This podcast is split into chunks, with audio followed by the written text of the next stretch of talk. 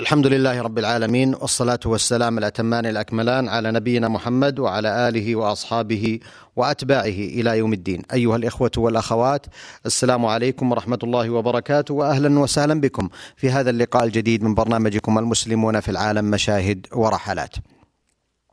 لقاء أسبوعي معتاد نعقده مع ضيفنا الكريم معالي الشيخ محمد بن ناصر العبودي الأمين العام المساعد لرابطة العالم الإسلامي والرحالة والداعية المعروف والذي يتحدث إليكم عن بعض من زياراته ومشاهداته لأحوال المسلمين في العالم. معالي الشيخ محمد آه، مدينة قازان آه، التي آه، فصلتم الحديث عنها في الحلقات الماضية خلال جولتكم في جنوب روسيا. أعتقد أن الحديث يتوقف عن بعض مما آه، سردتموه من المشاهد التاريخية والرواية الشفهية التي نقلتم الحديث عن الشيخ محمود. أترككم كل مجال لتواصلوا سرد تلك المشاهدات. بسم الله الرحمن الرحيم. الحمد لله رب العالمين وصلى الله وسلم وبارك على عبده ورسوله نبينا محمد وعلى آله وأصحابه أجمعين ومن تبع هداهم إلى يوم الدين. أما بعد فإن الأمر كما أفضلتم يتعلق بالحديث عن جنوب روسيا وبالذات عن مدينة قازان التي هي الآن عاصمة جمهورية تتارستان في روسيا وهي عاصمة محلية أي لها استقلال داخلي تستطيع منها أن تصرف شؤونها وليس ذلك فحسب بل إن الحكومة الروسية المركزية سمحت للجمهوريات والأقاليم ذات الحكم الذاتي أن تتصل بالجهات الأخرى من النواحي الاقتصادية. وأذكر أن ابني خالد وهو وظيفته هو الرئيس التنفيذي لتنمية القطاع الخاص في العالم الإسلامي في دول العالم الإسلامي وعمله في المركز الإسلامي في التنمية. قال ذكر أنه زار قازان وأنه عقد معهم اتفاقيات مع الحكومة بطبيعة هذا كله بمعرفة الحكومة الروسية وإذنها الآن في الوقت الحاضر.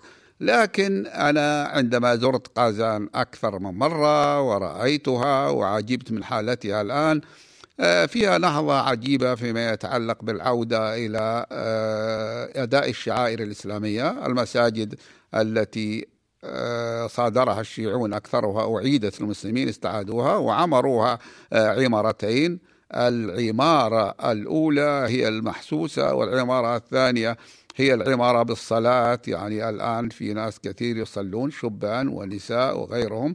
ليس بالمستوى المطلوب أو بالعدد المتخيل عن بلدة إسلامية.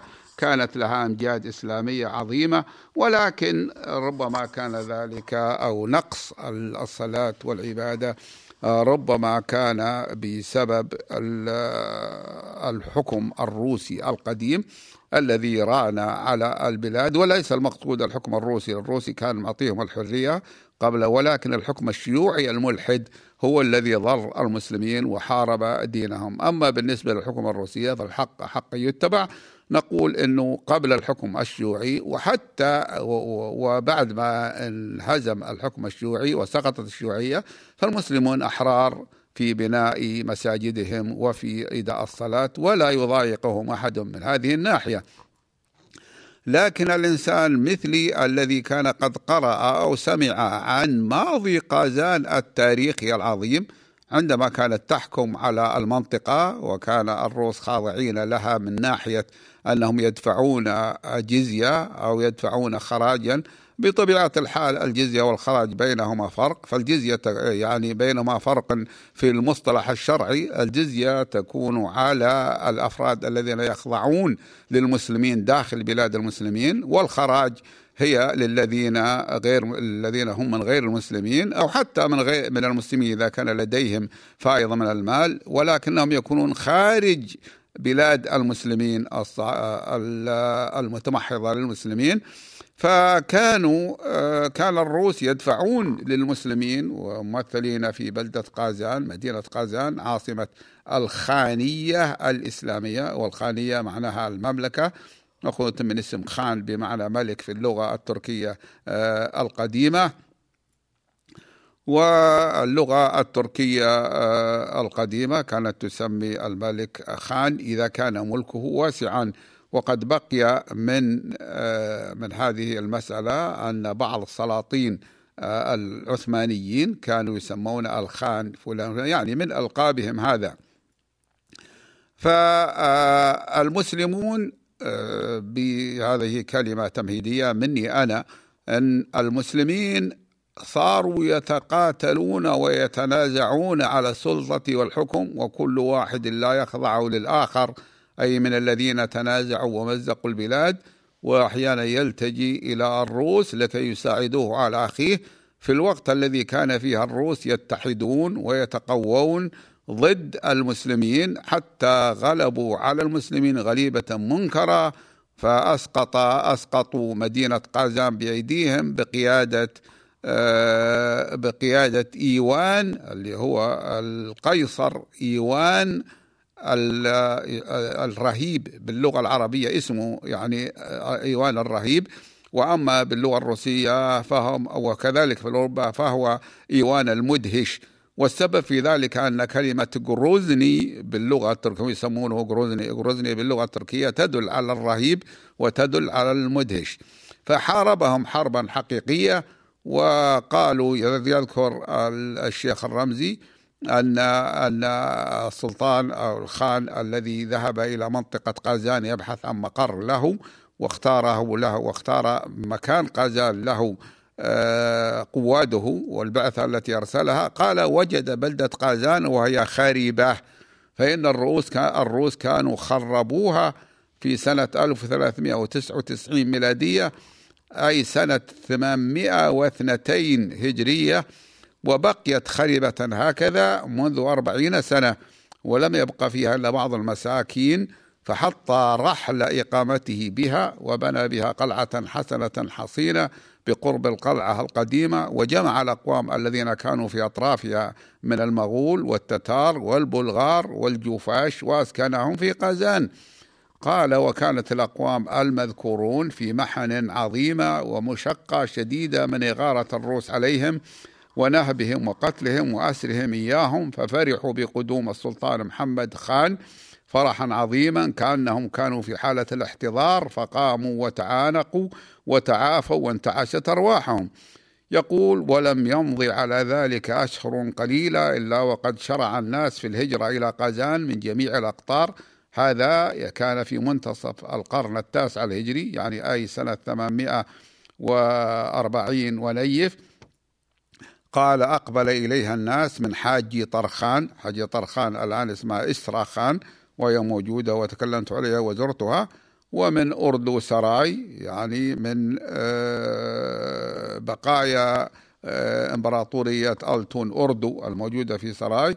ومن أزاق ومن قرم أي شبه جزيرة القرم كما تعرف الآن. ومن جميع الأطراف لما أن الفتن قد سادت في تلك البلاد وانتشرت المحن وانعدام الأمن والأمان في أرجائها منذ أربعين سنة لأن حكام اختلفوا حكام المسلمين اختلفوا ما بينهم. يقول منذ أربعين سنة بل أكثر فاستوطنوا قازان ونواحيها فامتلأت تلك الأراضي بالناس في أقرب مدة وجعلوا ألوغ محمد خان خانا لأنفسهم يعني سموه ملكا على أنفسهم وأطاعوه. وتشبثوا بذيل عدالته واستأمنوا في ظل حميته وشهامته.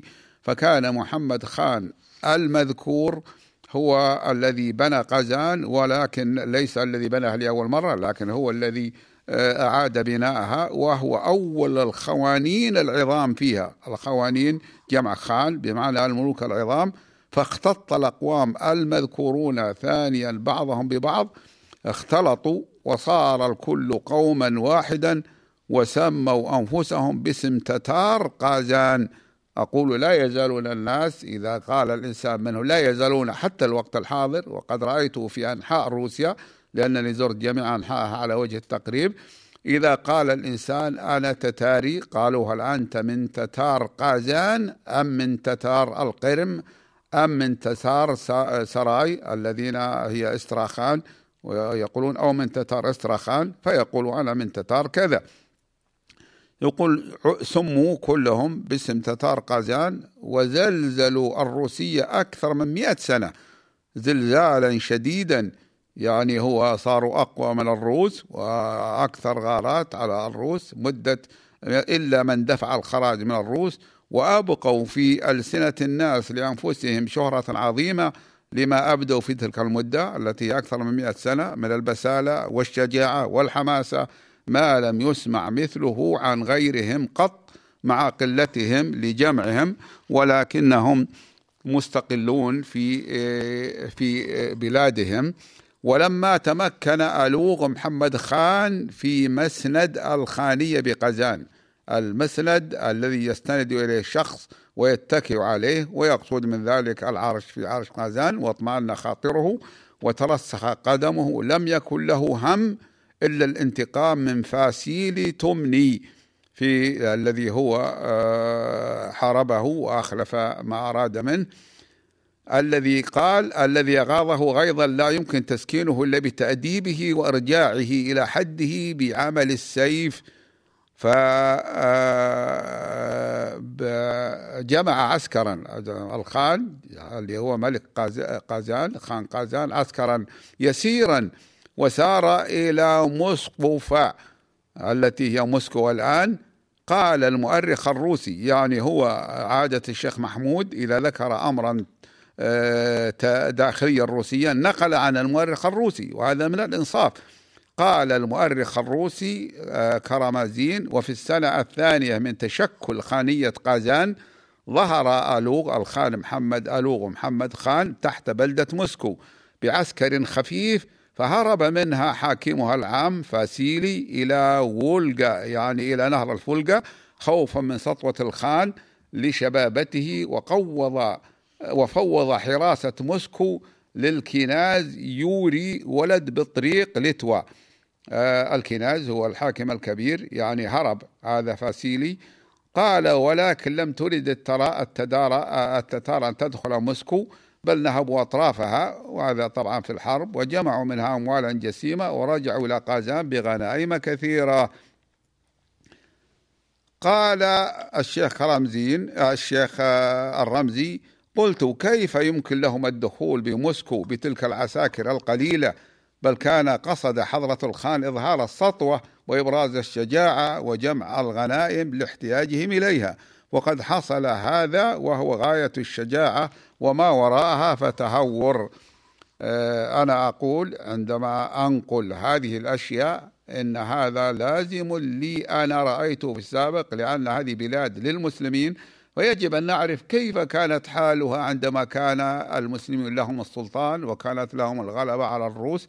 المجاورين فلا بد أن نذكر شيء من هذا وهذا من غير تدخل من بل هو من سنة الله في خلقه أن الروس صاروا يتجمعون ويتحدون وصاروا يشجعون العلوم ويخترعون فصار عندهم من الأسلحة النارية في ذلك الوقت القديم الذي لا يعرف إلا قليل منها ما ليس عند المسلمين ولا أزال أنا رأيت مدافع الروس التي استولوا فيها على بعض البلدان مدافع عظيمة كبيرة ويعجب الإنسان ولا يمكن إلا أن تجرها البغال القوية أو الخيول المتعددة. يعني أخذوا للأمر يهبته واتفقوا فيما بينهم. أما المسلمين فكانوا يتقاتلون ويتنازعون عند الحكم ويتفرقون حتى صارت البلاد أشبه ما تكون بإمارات متعددة وسهل على الروس أن يتغلبوا عليهم. هذه سنة الله في خلقه وهذا أمر معروف. ولكن لا بد لمن يرى وهذا حالها الحال الآن ولا بد لمن يعرف تاريخها القديم أن يسأل ويتصور حالها القديم مما ذكره المؤرخون ومنهم المؤرخون الروس على رأسهم المؤرخ كرمزين. قال المؤرخ خرمزين في خلال بيان حوادث عام 1445 الموافقة لعام 849 هجرية.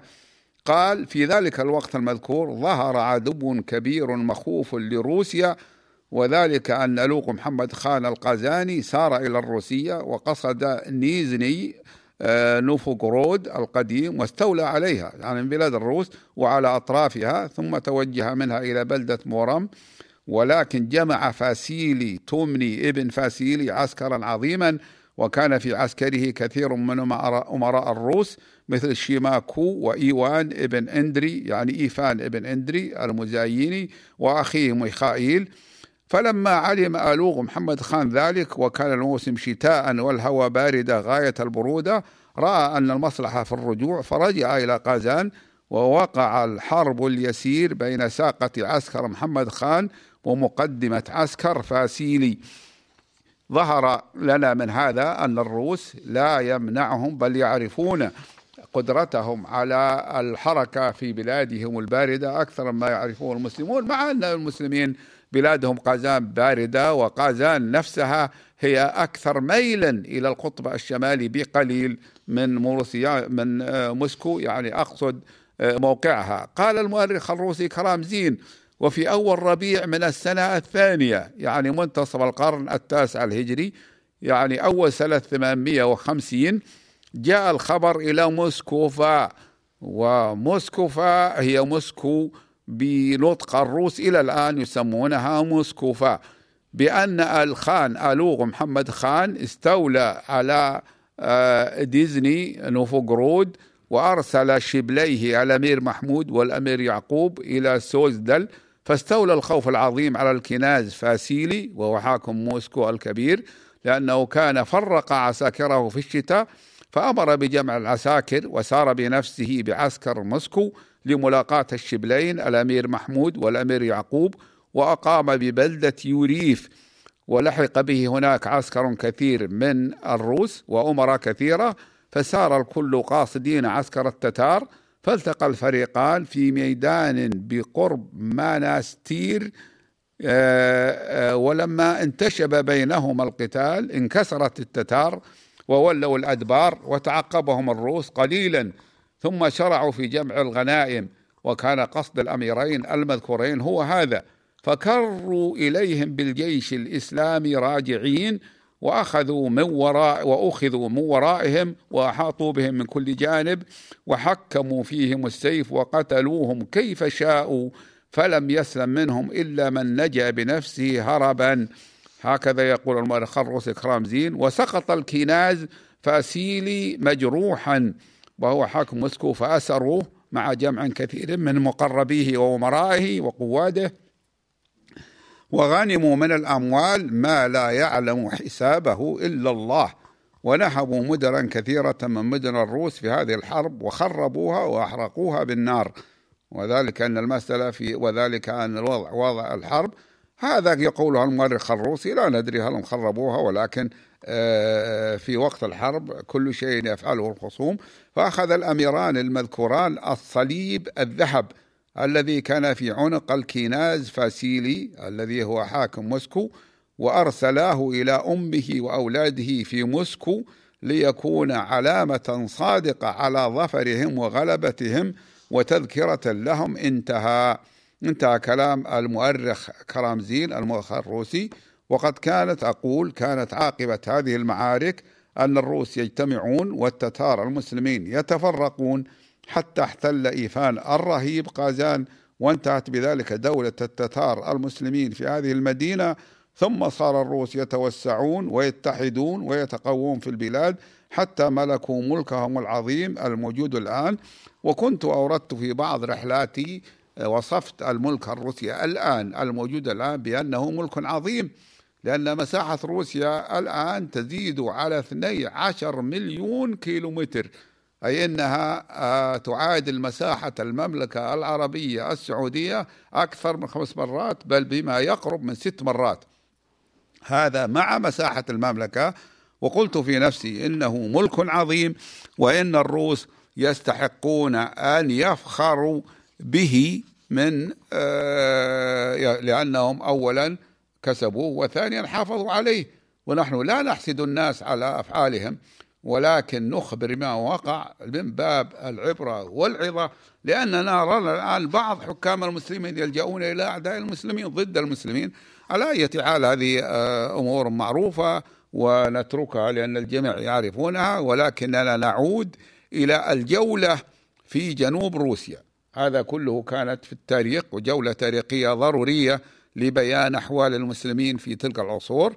فنقول إننا ذهبنا إلى بلاد الجوفاش ذهبنا من قازان إلى بلاد الجوفاش وتسمى جمهورية الآن تسمى جمهورية الجوفاش لأن الجوفاش جماعة من الناس قومية والروس كما قلت أنهم سموا أعطوا كل مجموعة من الناس لهم لغة أو لهم كيان قديم أعطوهم قطعة أعطوهم بلادهم يتصرفون فيها داخليا وأما الأمور الخارجية فهي حكومة موسكو. وهكذا روسيا الآن مؤلفة من 162 ما بين جمهورية وبين أقليم. كل وحدة من هذه بعضها كبير جدا حتى يبلغ نصف آه، مليون كيلومتر وبعضها صغير.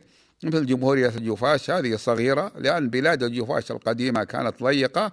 تقع جمهورية الجوفاش على بعد 750 كيلومتر في الجنوب الشرقي للعاصمة الروسية موسكو. يعني لا تبعد عن موسكو أكثر من 750 كيلومتر في الجنوب الشرقي. يحدها من الشمال جمهورية ماري وتعرف الآن باسم ماري ميل وقد زرتها وسيأتي الكلام عليها إن شاء الله.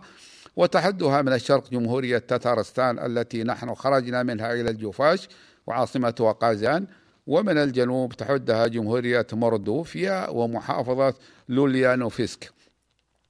تبلغ مساحة جمهورية الجوفاش 18 ألف كيلومتر وثلاثمائة أي بما يساعد المقدار مساحة لبنان مرة ونصفا. ومع ذلك تعتبر جمهورية صغيرة وعاصمة الجمهورية هي مدينة شوبا كساري. هذه زرتها وسيأتي الحديث عنها بإذن الله وتقع في أقصى شمال الجمهورية. وأرجو أن آه، يسامحني الإخوة آه، الكرام إذا ذكرت بعض التفصيلات التي ربما لا يريد بعضهم أن أذكرها ولكنها ضرورية لمعرفة واقع المسلمين في هذه البلاد الشمالية النائية. ويبلغ عدد سكان جمهورية آه، الجوفاش مليون وثلاثمائة واثنى عشر مليون وثلاثمائة آه، وثلاثمائة واثنى عشر ألف نسمة. آه، منهم نحو 15% إلى 13% من المسلمين. وهذا أمر معروف ولكن المسلمون لكن المسلمين الذين فيها ليسوا أقوياء وإنما بدأوا لأن الشيوعية رانت عليهم. ولا بد أن يسأل الناس المستمع الكريم يسأل من هم الجوفاش يعني ما هو أصلهم؟ وإلى من ينتمون؟